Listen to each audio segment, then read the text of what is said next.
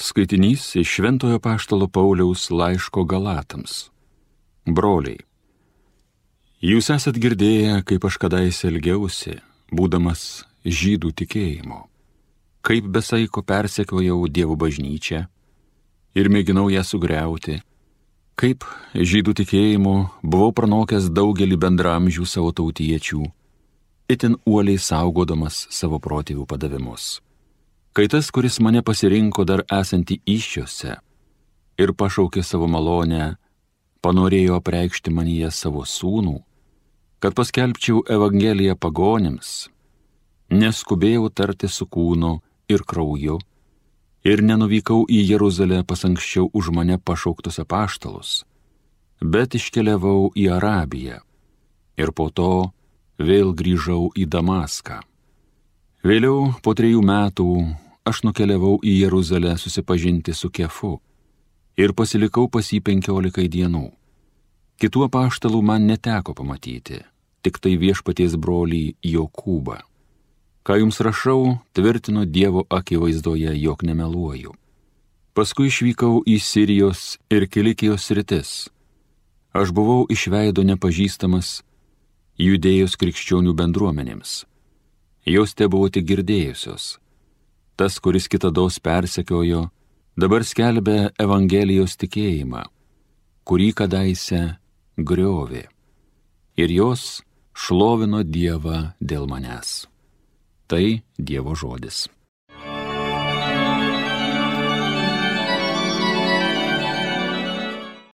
Amžinybės keli viešpatie būk man vadovas.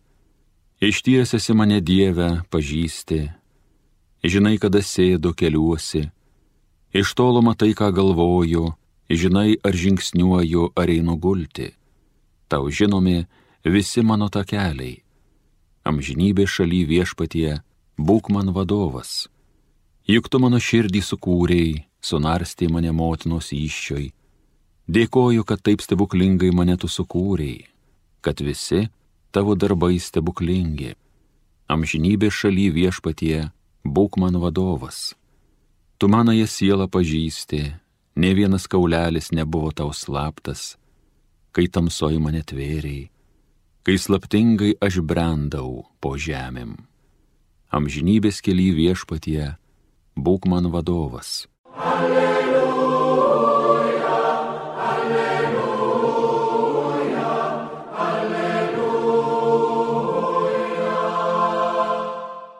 Palaiminti tie, kurie klausosi Dievo žodžio ir jo laikosi. Alleluja, alleluja, alleluja. Iš Evangelijos pagal Luką. Jiems keliaujant toliau Jėzus užsuko į vieną kaimą.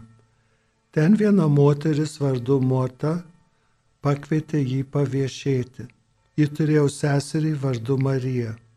Šie atsisėdusi prie viešpaties kojų klausėsi jo žodžių.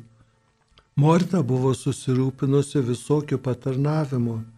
Jis staptelėjo ir pasiskundė. Viešpatie tau nerūpi, kad sesuo palieka mane vieną patarnauti. Sakyk, kad ji man padėtų. Tačiau viešpats atsakė, Morta, Morta, Tu rūpiniesi ir sielojasi daugeliu dalykų, o reikia tik vieno. Marija išsirinko geriausiąją dalį, kuri nebus iš jos atimta.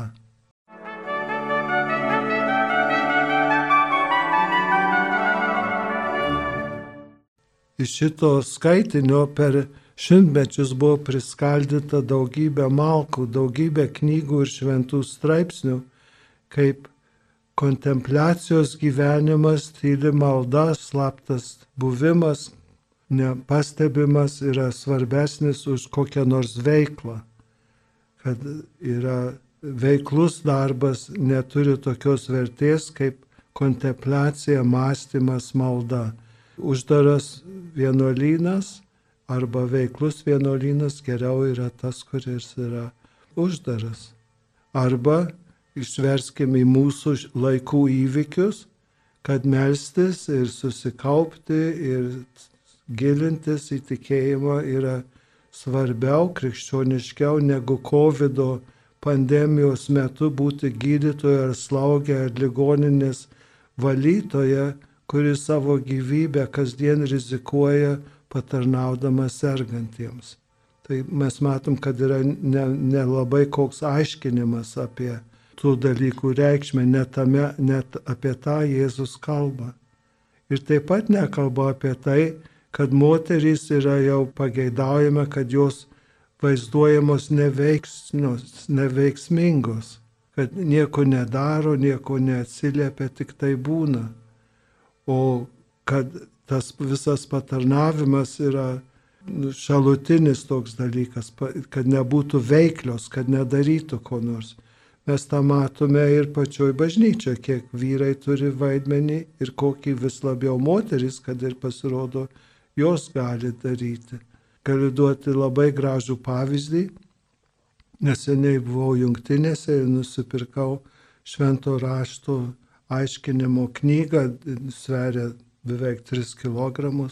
Ir trečia laida nuo Vatikano antrojo.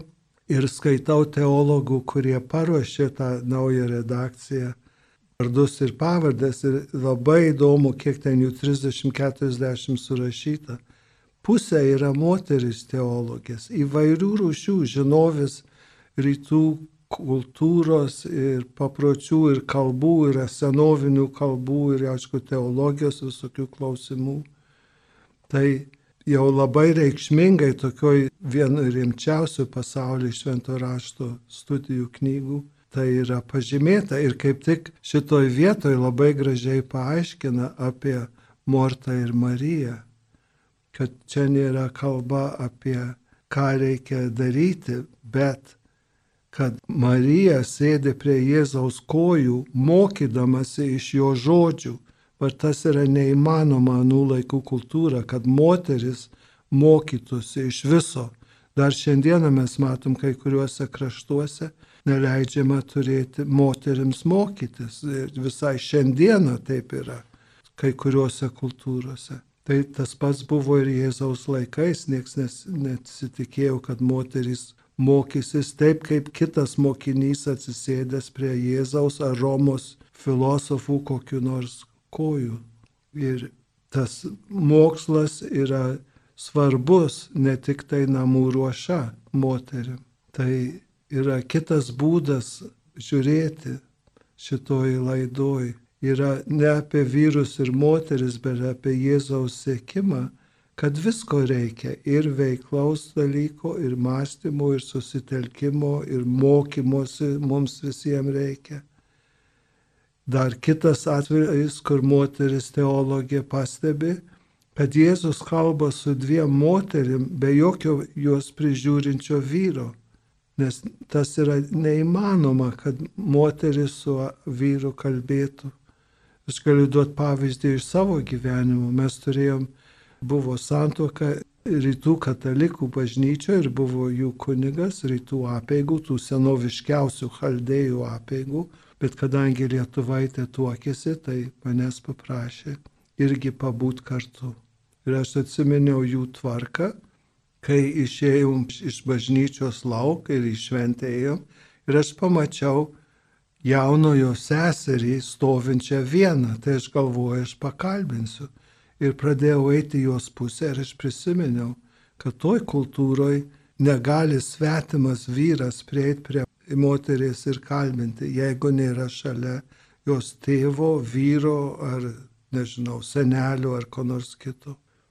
Tai tas šios dienos skaitinys yra kaip tik apie Kristaus sėkimą, kad tas visiems galioja mokytis iš Jėzaus, patarnauti kitiem, tas junginys veiklos ir susitelkimo, jeigu galima atskirti akademinės pusės ir veiklos tar, su pabėgėliais, su imigrantais ir taip toliau. Ta, mums šitas Jėzaus susitikimas su tai žmonėm taip atsitiko, kad ir kiti apie tai žinojo. Tai mums padeda suvokti Jėzaus sekimo apimti, apima visą žmogų, žmogaus elgesį, pasitikėjimą Dievo veikimu. Ir bendrystę su kitais žmonėmis, kad truputį draugiškiau negu Morta ir Marija šitam pasakojime.